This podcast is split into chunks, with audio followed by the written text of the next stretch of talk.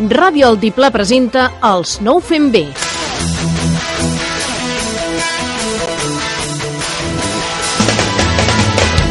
No ho fem bé, un programa de joves fet per joves i dirigit als joves i als que no ho són tant. Lectura, música, cinema, esports, entrevistes i una tertúlia sobre temes d'actualitat cada 15 dies a Ràdio Altiplà, al 107.2 de l'FM. No ho fem bé, una col·laboració de Ràdio Altiplà i l'Institut Alexandre de Riquer.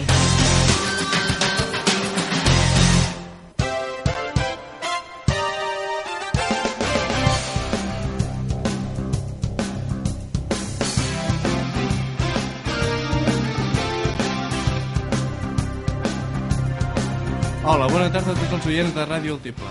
Aquí teniu la quarta edició del nostre programa, No ho fem bé. Avui el Tino, el David, el Cesc i jo, el Joel i l'equip de Ràdio Altiplà us parlarem de música, esports i al final tertúlia. Avui amb el Dani Sánchez, professor de la filosofia del nostre IES Alexandre de Riquer, que ens parlarà sobre la violència. Ara us deixem amb un tema musical i després la secció de música amb el Dani.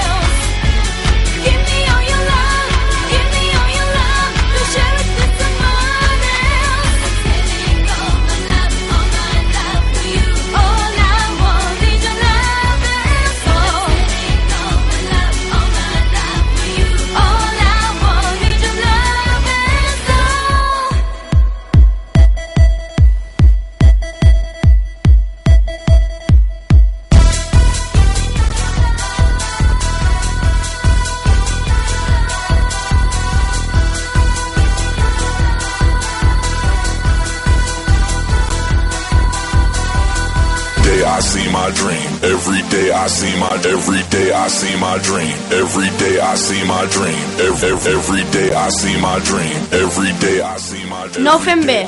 Música. Every day I see my dream. Every day I see my every day I see my dream. Every day I see my dream. Every, Hola, bona tarda. Avui a la sessió de música us presentarem 10 cançons segons la informació apareguda a la web towhunted.com que eren les més escoltades de les discoteques durant els 3 últims mesos.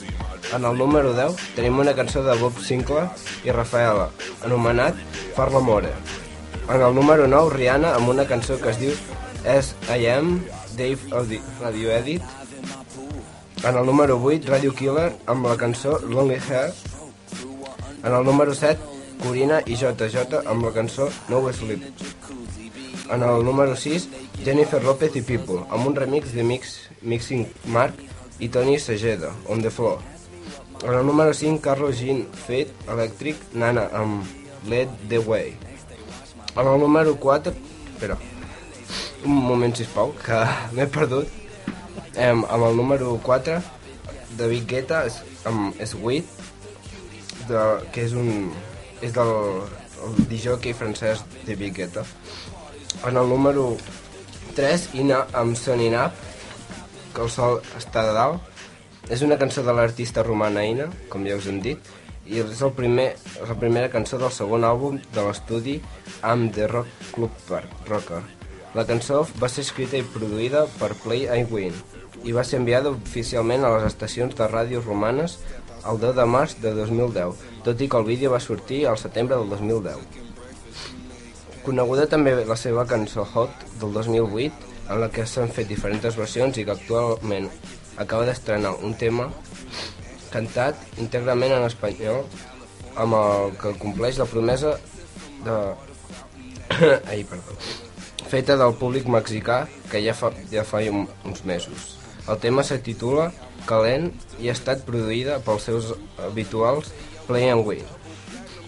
Ina també va, al començament del 2012 va treure un remix en Play and Win, I See Chipego, de Michel Taló, i també va, va treure la quarta part de Remix Collection. Amb els, també va fer nous singles, així com Endels i un, i un Momento. El tema I Chipego serà incluït també amb el remix Collection Part 5 que s'estrenarà al estiu del 2012, juntament amb un single més amb I Am The Club Rocker. What you?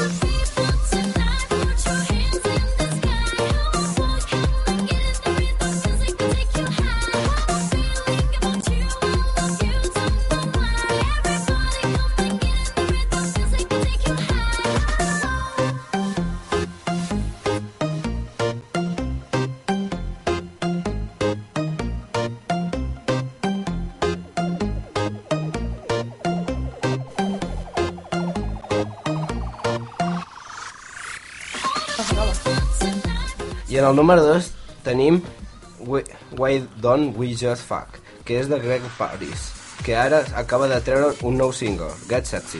Greg Paris és un disjockey franco-americà, intèrpret, compositor, productor, i el tipus de música que fa és house, electro house, dance i soul. rhythms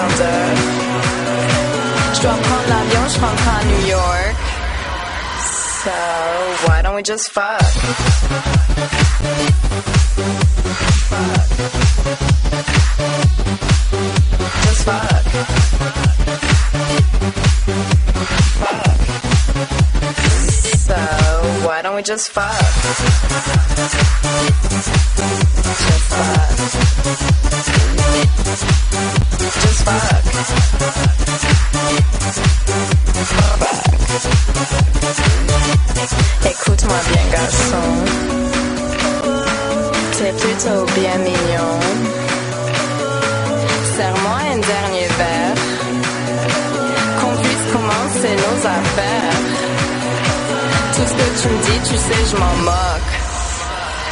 So, why don't we just fuck? Just fuck. Just fuck.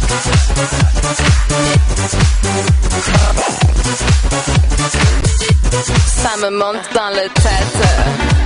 Ce, ce soir, je vais te faire la fête. Allez, bébé, partons d'ici. S'il te plaît, appelle-nous un taxi. Si tu savais comme j'ai envie. I think I love you. Oh, I don't know how to. Attends, je donne l'adresse. Mais tu regardes pas mes fesses, hein? T'as de la chance, bébé, ce soir. Regarde, j'ai pris mes accessoires. Allez, viens, je t'amène à New York. So, why don't we just fuck? Just fuck. Just fuck. Yeah. So, why don't we just fuck?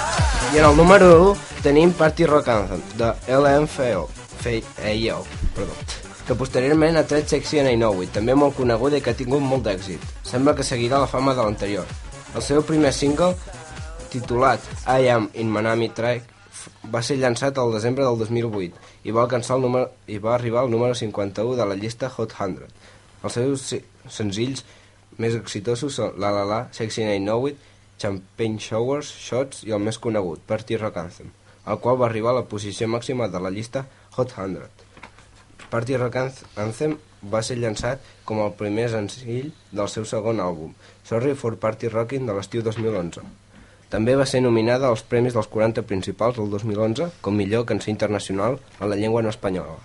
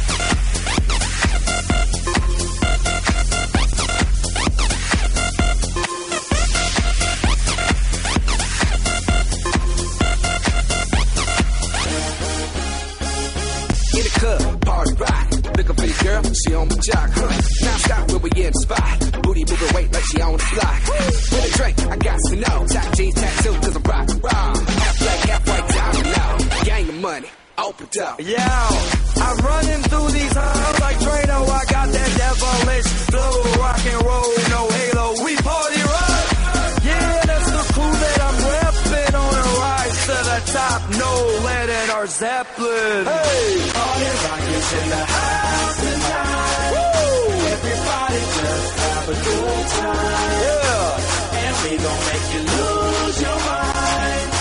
Everybody just have a good time. Let's go. Party rock is in the house tonight. Everybody just have a good time.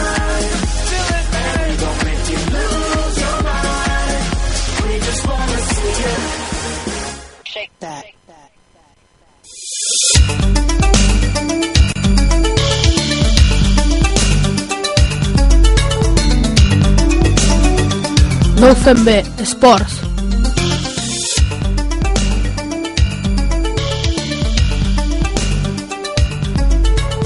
Hola a tots, molt bona tarda, som a la secció d'esports i comencem amb uns quants resultats dels últims dies. Uh, aquesta setmana el CB Calaf, cadem masculí, no ha jugat perquè han aplaçat el partit i fins la setmana que ve no, no jugarem, és a dir, que jugarem un partit dissabte i un diumenge.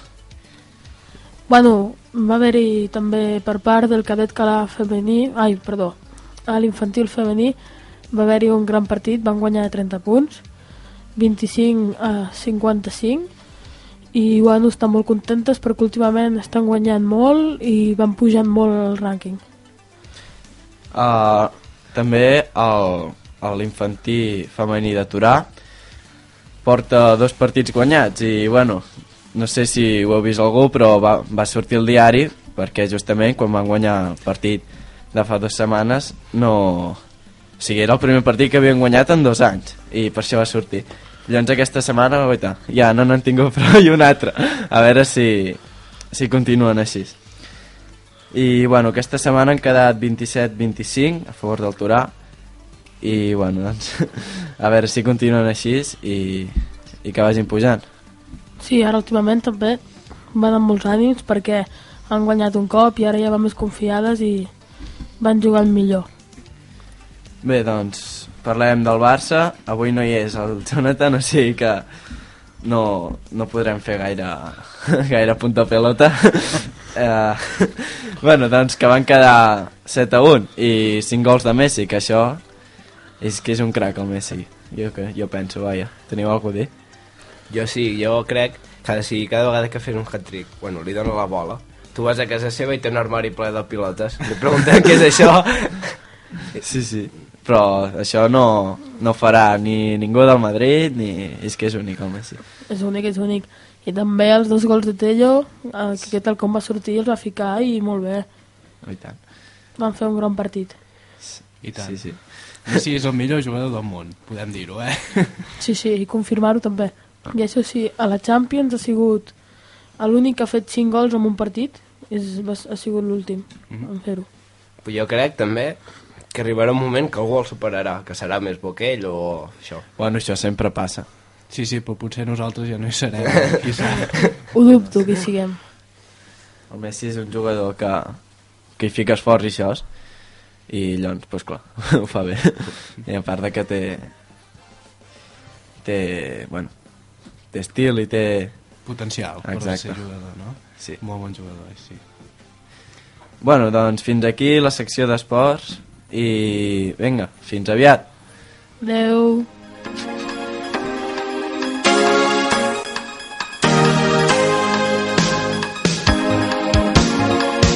No ho fem bé, lectura.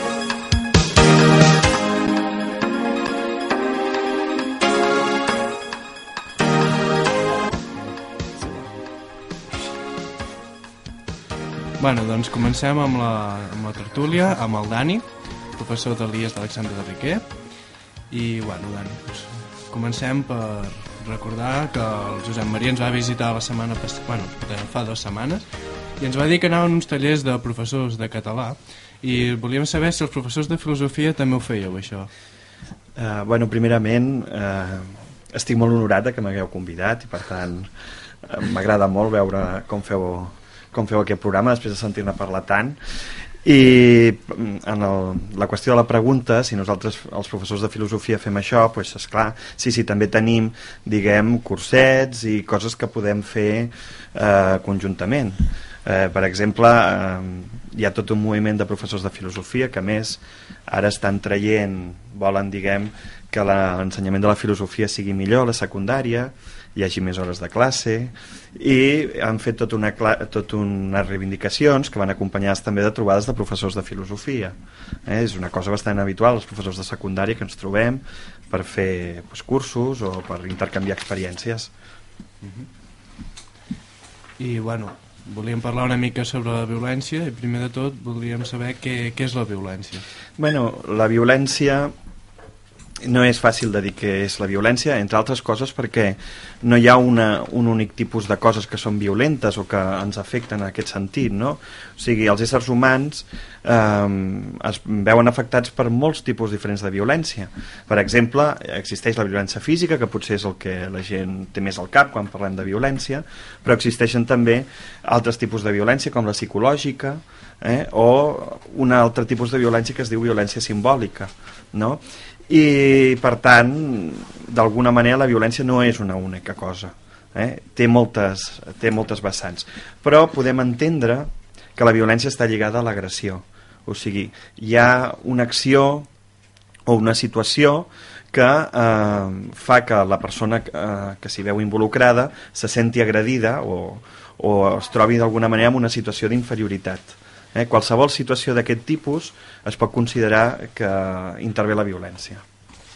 Uh, doncs, així ens, ens podries explicar per què la gent, els nens, adolescents i bueno, les persones en general fan el que se'n diu bullying a, a la gent amb dificultats o simplement perquè els hi ve de gust i això. Bueno, eh, a veure, hem de tenir en compte una cosa. Els, els éssers humans, eh, d'alguna manera, mm, són violents, són violents eh, d'alguna- eh, per la nostra pròpia naturalesa. O sigui, els éssers humans, eh, de la mateixa manera que poden ser eh, cooperatius, col·laboradors, que poden ser altruistes, poden ser violents. Eh, llavors, moltes vegades la violència que s'exerceix d'aquesta manera contra aquells que consideres més febles és una manera de remarcar, diguem, la teva posició de superioritat. O sigui, els éssers humans som un tipus d'animals una mica especials perquè som animals socials i llavors ens trobem que bueno, hem de remarcar davant dels altres de que estem en una posició de superioritat i això fa que hi hagi gent que ataqui eh, o que es posi, no? que insulti, que agradeixi persones que considera que estan en una situació d'inferioritat. Digues. Per això que estàs dient de que els animals, quan, que nosaltres sempre volem demostrar que són millors que els demés, això passa amb tothom, perquè, per exemple, també gossos, gats, animals, tot. Sí, és que la violència és una cosa molt animal, o sigui, forma part. El que passa que els éssers humans són uns animals una mica més sofisticats i llavors sofistiquen la violència. Per exemple, eh, en els altres animals no hi ha violència psicològica o, o en tot cas no és tan refinada com la que utilitzen els humans. Llavors, és veritat que o sigui, aquesta part, diguem, violenta és, un, és una cosa molt antiga, dir, existeix abans dels éssers humans i nosaltres ho hem heretat diguem, dels nostres avantpassats que no eren humans. El que passa que precisament en bona mesura la societat humana intenta posar una sèrie de limitacions perquè la violència no destrueixi diguem, la cooperació, perquè no destrueixi la solidaritat que és necessària perquè els éssers humans visquin junts eh, i no es matin entre si. Doncs, i què, què n'opines de... Bueno, ja que parlem això violència i això és d'aquell cas de la Marta del Castillo, Mhm. aquell home que, bueno, el va violar i matar i encobrir i tot això, que li van ficar només 20 anys, que jo crec que és poc. En canvi, uh, bueno, aquell de Mega Upload, uh, l'home aquell, jo crec que no es mereixia els 50 anys i hauria de ser al revés, si de cas. Uh, o què? Bueno, penseu una cosa, a veure, jo no sóc advocat i les lleis són molt complicades, a més estem comparant dos casos, un amb la legislació espanyola i un altre amb la legislació, doncs no sé si és neozelandesa o americana, vull dir que són dos casos diferents. Però després també, clar, hem de tenir en compte que és el que s'ha aconseguit provar en un judici o un altre. O sigui, la justícia funciona eh, segons si els acusadors han aconseguit demostrar els càrrecs de que s'acusa a una persona determinada. Llavors, si sempre que hi hagi un dubte, la, la justícia ha de funcionar no condemnant amb algú, eh? perquè la justícia funciona sempre sota el principi de que no és bo que cap innocent estigui a la presó. Millor que hi hagi un culpable al carrer que no un innocent a la presó. I per això mateix, diguem, eh, a la justícia es tracta de demostrar les acusacions. Si és lleu o no és lleu, bueno, és que aquest cas té altres coses afegides, com el fet de que no s'hagi trobat el cos d'aquesta noia, que fa molt més dramàtic, sobretot per la família i per la gent que està al voltant de la família, pues, aquesta situació. I per tant, evidentment, eh, es pot considerar que 20 anys de presó són lleugers però penseu que 20 anys de presó són molts anys a la presó eh? Sí, sí. no sabem si revisaran el cas que és possible que el revisin i llavors mm, potser no sé, potser tindrà una pena més alta no ho sabem eh? però de totes maneres penseu que la justícia sempre ha d'anar més en prudència diguem, ha de jutjar en prudència En aquests casos, Dani, perdó, que els advocats i tot això, ja que saben que ha sigut ell el culpable i ho han vist i tot, per què creus que hi ha advocats que a defensen aquesta gent si saben que és Perquè els paguen. culpable? perquè els paguen bueno, evidentment els advocats defensen clar, tenen clients i viuen d'això però de totes maneres hem de pensar una cosa la llei és molt important en un sistema com el nostre, que és un sistema democràtic la llei diu que tots els acusats han de tenir algú que els defensi o sigui, seria molt greu que hi hagués algú per criminal que fos i per evident que fos que, que és monstre, un criminal pues no el defensés ningú, o sigui, tothom té, té dret a una defensa davant d'en judici llavors, evidentment els advocats els hi eh, bueno, els hi pot costar més o menys però la seva feina és defensar fins i tot els pitjors criminals eh? de tot, vull dir, és, forma part de, del sistema legal i és bo que així sigui perquè evidentment els advocats poden defensar a culpables i innocents eh? Sí, Dani, i també, però, també jo el que crec és que per molta cosa que hagi fet i que no s'hagi que no s'hagi del tot demostrat encara que ell digui el que ha fet, que també per bona conducta també sortirien abans. Perquè hi ha moltes vegades que per bona conducta et treuen en un parell d'anys.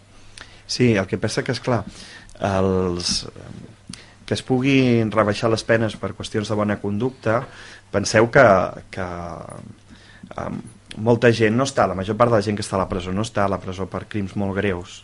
I llavors és evident que la bona conducta és una cosa que afavoreix que gent que potser ha acumulat molts anys per, pues, jo sé, petits robatoris eh, o per situacions similars, diguem, pugui, no, no s'hagi de passar tota la vida a la presó.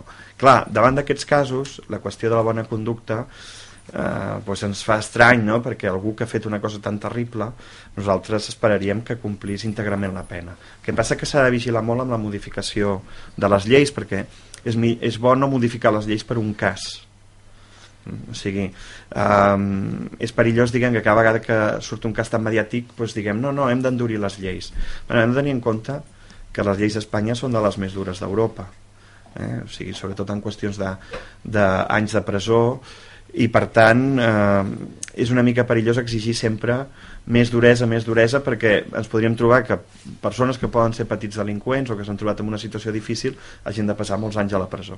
Ara en aquest cas, bueno, no sé potser eh, s'hauria de reflexionar diguem si en aquests casos eh, ha d'existir o no ha d'existir pues, aquests, aquests diguem eh, aquests beneficis penitenciaris que és com s'anomenen.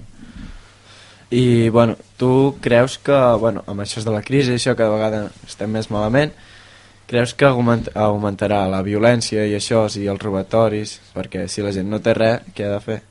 Bueno, a veure, el, eh, de crisis n'hi ha hagut més d'una i per tant sabem perquè coneixem les conseqüències d'aquestes crisis què és el que passa amb l'augment de la delinqüència um, en la situació actual eh, tot i que la crisi és molt greu la delinqüència ha augmentat molt poc. De fet han disminuït sobretot aquesta delinqüència que ens preocupa més que són els delictes més violents que pot haver agressions, etc.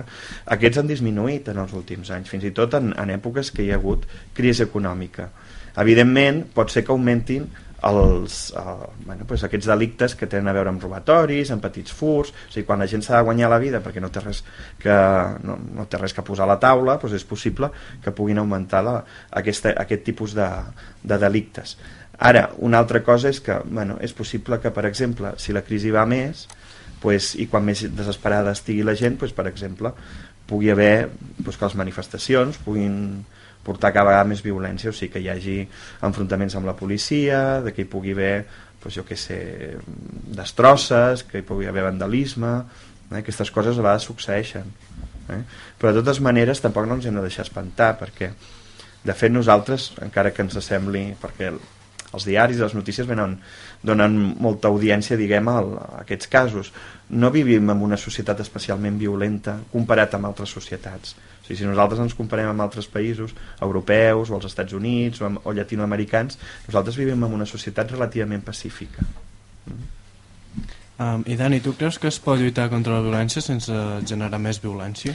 Sí, de fet, una de les funcions de l'educació és lluitar contra la violència sense generar-ne més. O sigui, en, del que es tracta és ensenyar a la gent a resoldre els seus conflictes sense haver d'acudir a la violència.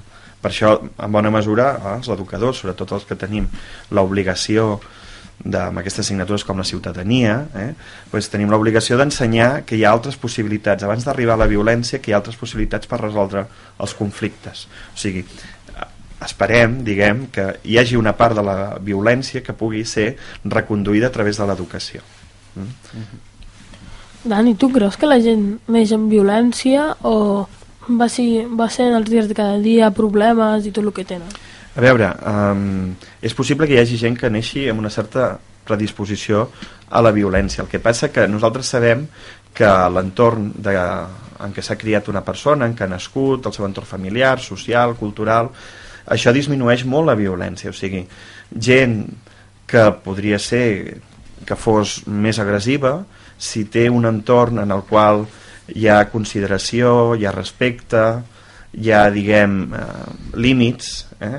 hi ha educació, hi ha un cert nivell un cert, bueno, hi ha doncs, el que podríem dir amor, familiar, etc etc. Doncs en aquestes situacions la violència de les persones disminueix molt. O sigui, tots els éssers humans neixen amb la possibilitat de tenir un cert grau de violència, però afortunadament els entorns familiars fan, reprimeixen molt l'expressió d'aquesta violència que és més o menys natural, per dir d'alguna manera. No?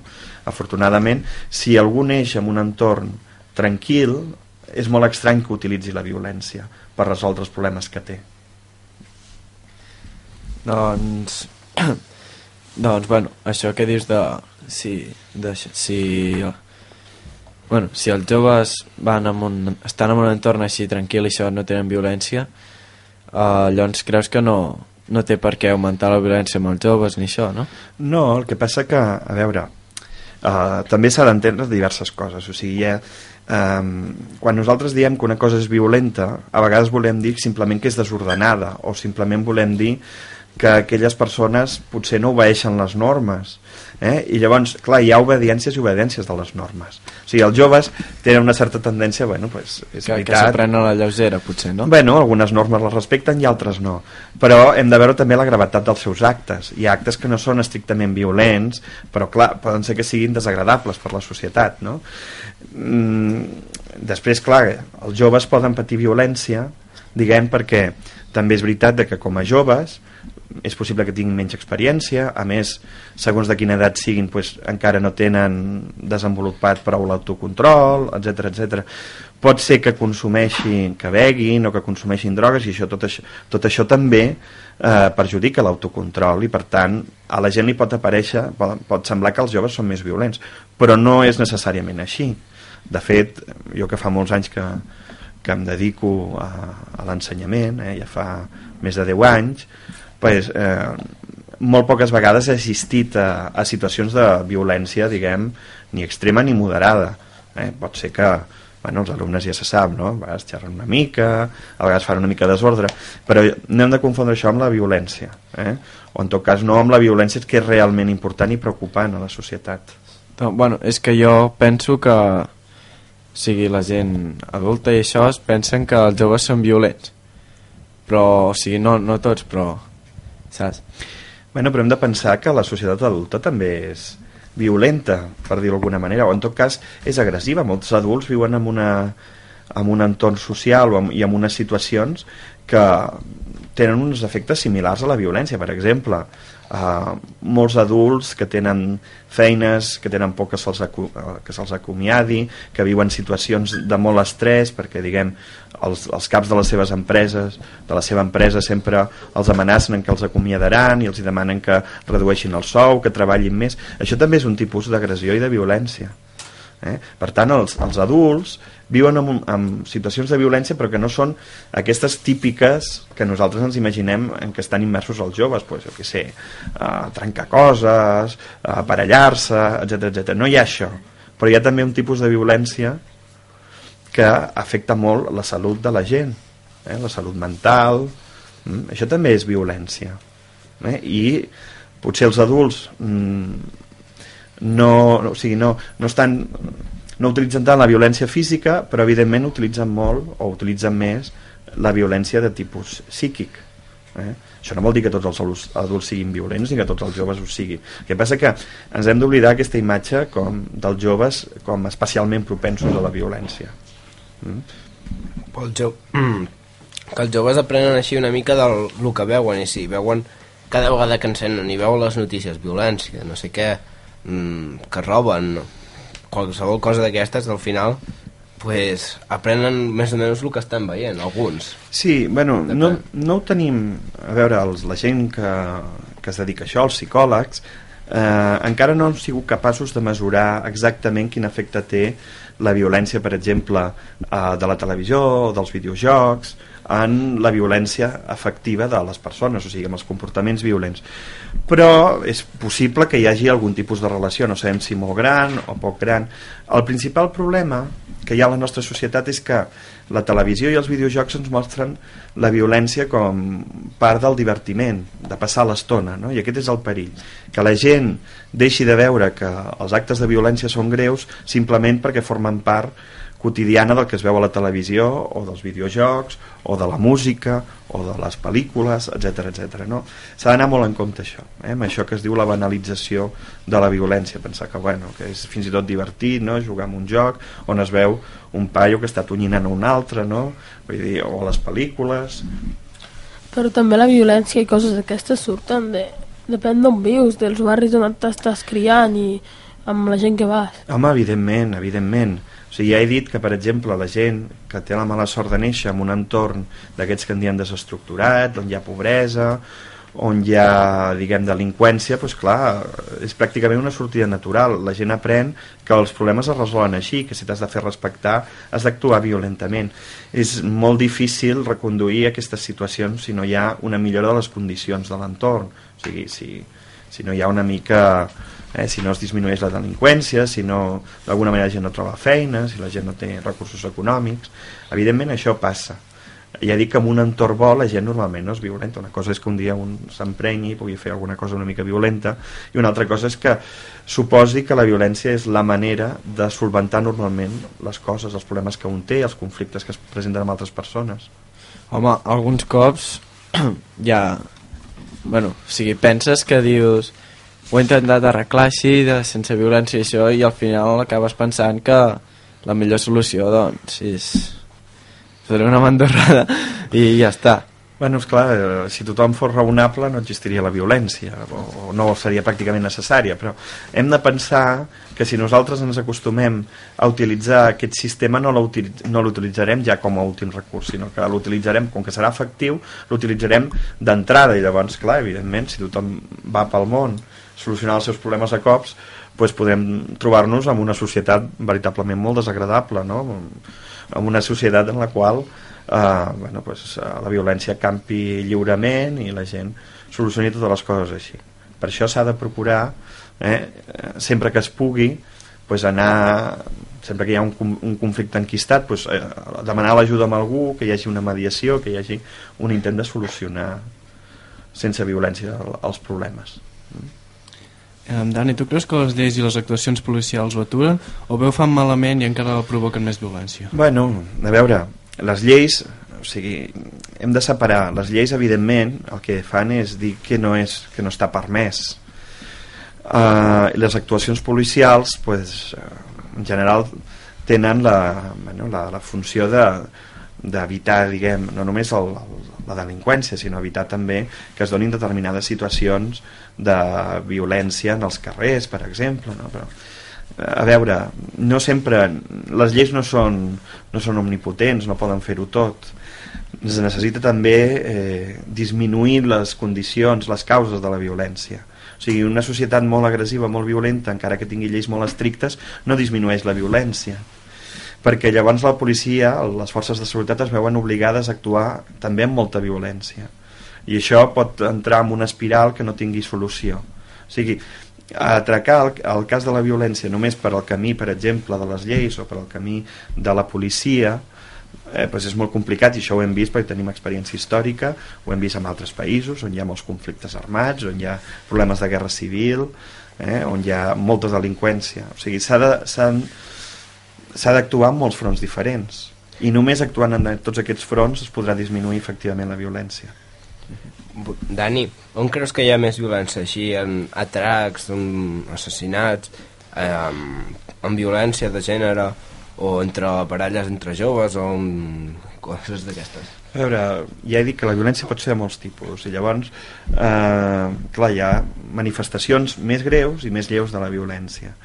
Ens trobem que, per exemple, la petita delinqüència, el, els informes que hi ha i tot això, no acostuma a actuar amb, amb violència excessiva. O sigui, evidentment, clar, que hi ha gent que porta navalles, etc. Però, per exemple, en ciutats com Barcelona, pues, els, la major part dels actes no són... O sigui, els robatoris es fan pues, són, eh, com carteristes, gent que, que vigila a veure si estàs despistat i t'agafa la cartera o t'agafa la bossa o t'agafa... Eh? Llavors això, encara que faci molta ràbia, no és, eh, no és delinqüència, diguem, amb manifestació de violència. Mm? Clar, evidentment eh, hi ha molta violència d'aquesta violència de gènere ja sabem que és un, és un problema molt greu i després també hi ha violència contra els fills, per exemple, maltractaments, etc etc i això es dona dins la casa de cadascú eh? no, no, normalment no surt a, eh, no es veu al carrer aquesta, aquest tipus de violència evidentment després també hi ha clar, atracaments, assassinats però hem de veure que tampoc no si nosaltres mirem les estadístiques veurem que aquí no hi ha eh, un nombre excessiu d'assassinats vull dir sembla que encara i tots els problemes que té la societat la societat actual, catalana pues és una societat que sap canalitzar prou bé la violència pues, perquè no es manifesti és potser més greu aquesta violència invisible eh? que es pot donar a les llars que es pot donar amb els nens que es pot donar d'altres maneres que no pas la, això que la gent assumeix com violència pues que si els assassinats, els atracaments els, Eh? Això passa relativament poc, gràcies a Déu. No vol dir que no passi, eh? Doncs, bueno, aquests temes a vegades són una mica filosòfics i això, no? Uh, bueno, tu que has, estudies això de filosofia i això, mm, bueno, sí, canviant bastant de tema, però què ens podries dir d'això, de filosofia, de, o sigui, què, Eh, què, què, què, s'ha- què fas? Vaja, Què no faig sé. jo? bueno, és que no sé.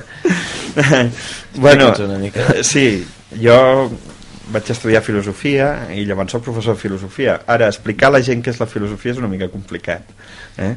perquè la filosofia no té, no té una única funció. La idea de la filosofia és que és bo pensar per entendre millor les coses, d'acord? La filosofia, en principi, intenta millorar la realitat d'aquesta manera. O sigui, si nosaltres entenem millor per què es produeixen les coses, potser podrem fer que les coses millorin. Però normalment els filòsofs no són gent d'acció.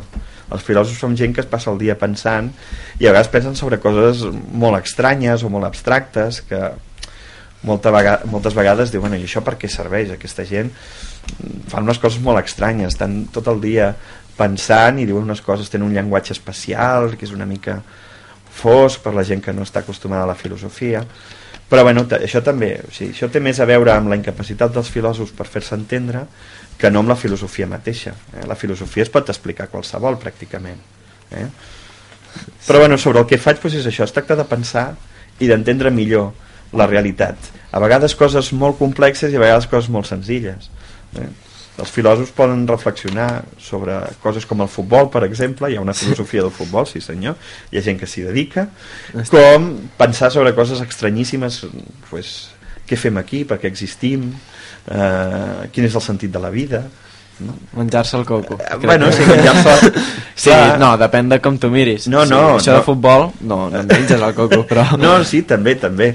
El, els filòsofs sí, es mengen el coco, el que passa que els agrada menjar-se el coco, per dir-ho d'aquesta manera. I disfruten, i a vegades pues, un entén millor les coses i això és una satisfacció. A vegades no, eh? a vegades la filosofia et deixa pitjor que havies començat. Però llavors també has de treballar d'alguna altra cosa, perquè si només Va. estudies filosofia... Oh.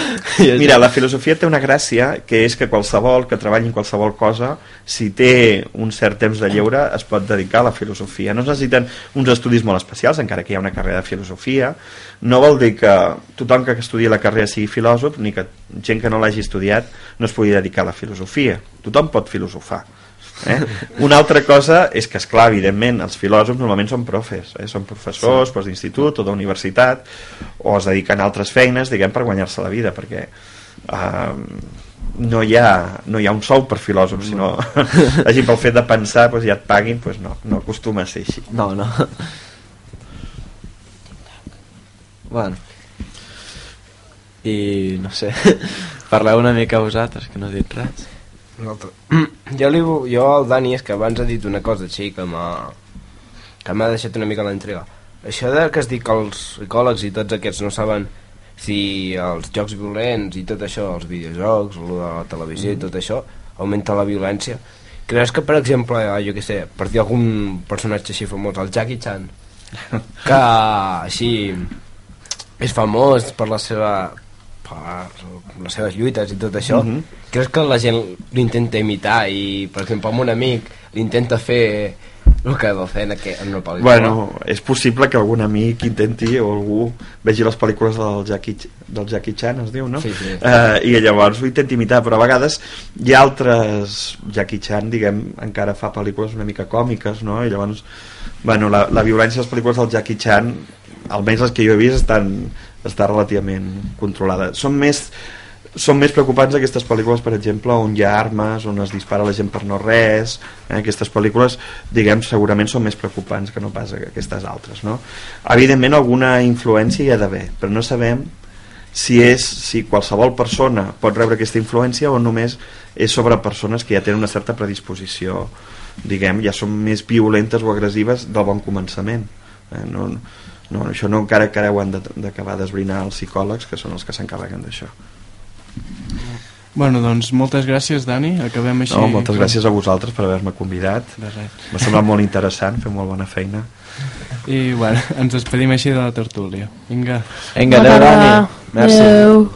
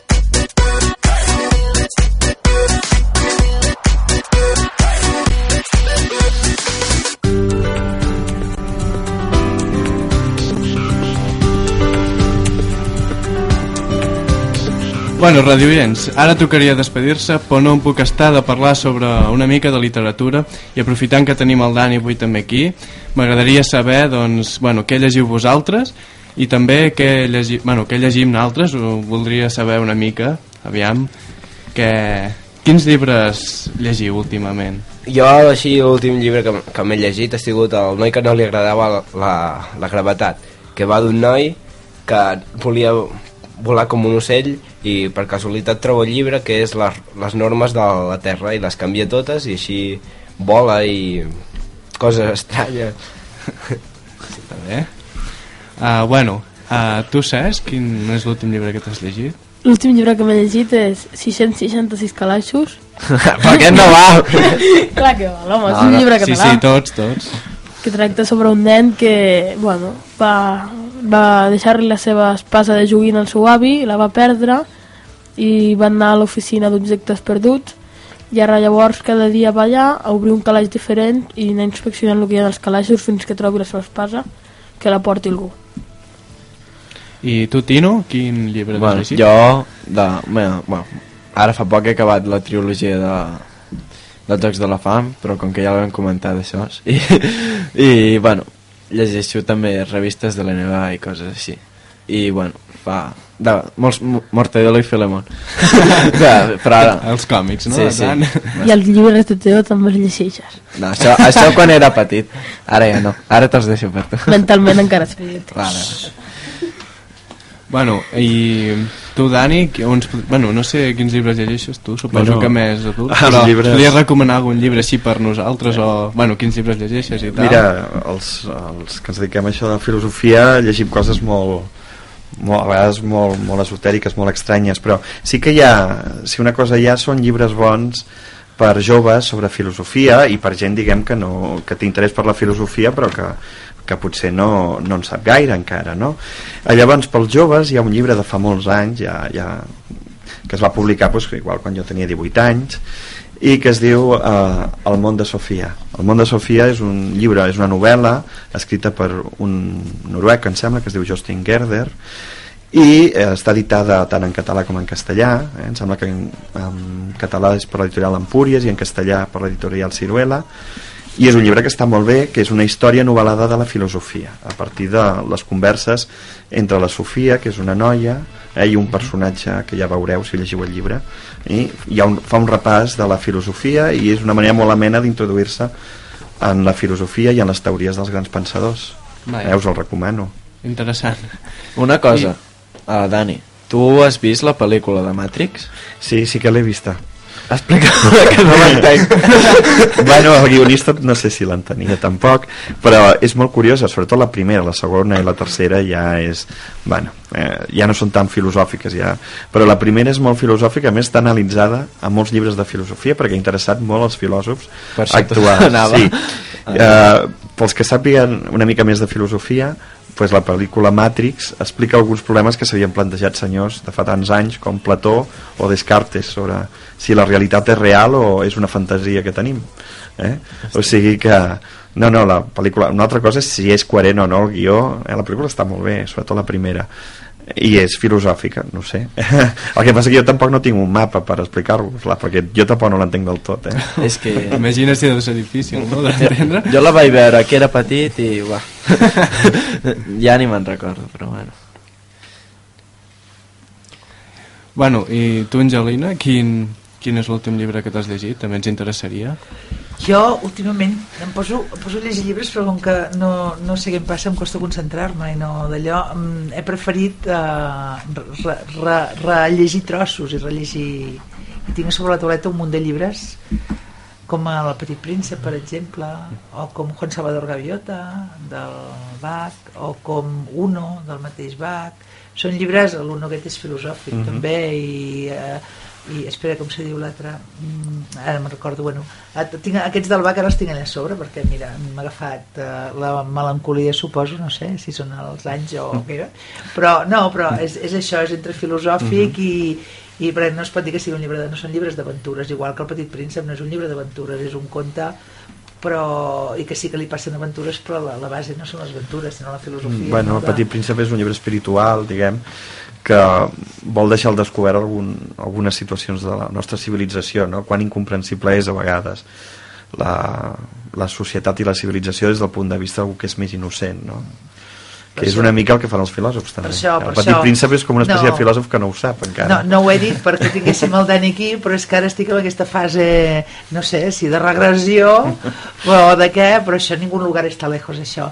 I uno que també, són, també és un món paral·lel, o, eh, un una de, i, i que bueno, una història d'uns aviadors, però que, que la, la, la història és la, la, la diferència entre la realitat de veritat i la realitat de, de percepció, no? Que, bueno, és, uh, mira, però no, no, no estic llegint-lo allò des de la primera pàgina, eh? No, obro, saps? Obro, Vale. sí, i Sí. llegeixo Mhm. allà on surt, no? Són llibres Opiniones d'un pallasso, també, de Richard Bach, que, sí, no, de Red Bull, que m'a- m'a- m'agrada molt també, perquè aquest era un, és, parlen sobre un senyor que era col·leccionista d'instants, no? I, també també és filosòfic, ja ho sé, però és que, bueno, és, és, és el que hi ha, no? Bueno, la bona dir, literatura no... a vegades ho és. Fa pensar i això és important. I aquests, tots els que he dit, són susceptibles també de ser llegits per gent jove. No són llibres de gent gran. Vale. Vull dir que... Doncs ens recomanes, no? Sí, també sí. també estaria bé de llegir-los. Tots plegats, tots els que he dit. Eh. Mhm. I es llegeixen fàcil, a més a més. Bueno, doncs, moltes gràcies a tots per la vostra col·laboració i, bueno, aquí ens despedim pues, doncs recordem que tornarem el divendres dia 23 Esperem que us hagi interessat i us recordem que estem oberts a propostes, temes i sobretot a col·laboracions. Les vostres propostes les podeu fer arribar a Ràdio Altiplà o bé a la secretaria de l'Institut, a nom del magazín Jove. Moltes gràcies i fins al divendres dia 23. Adeu. Adeu. Merci, Dani, per vindre. A vosaltres. Let's go. You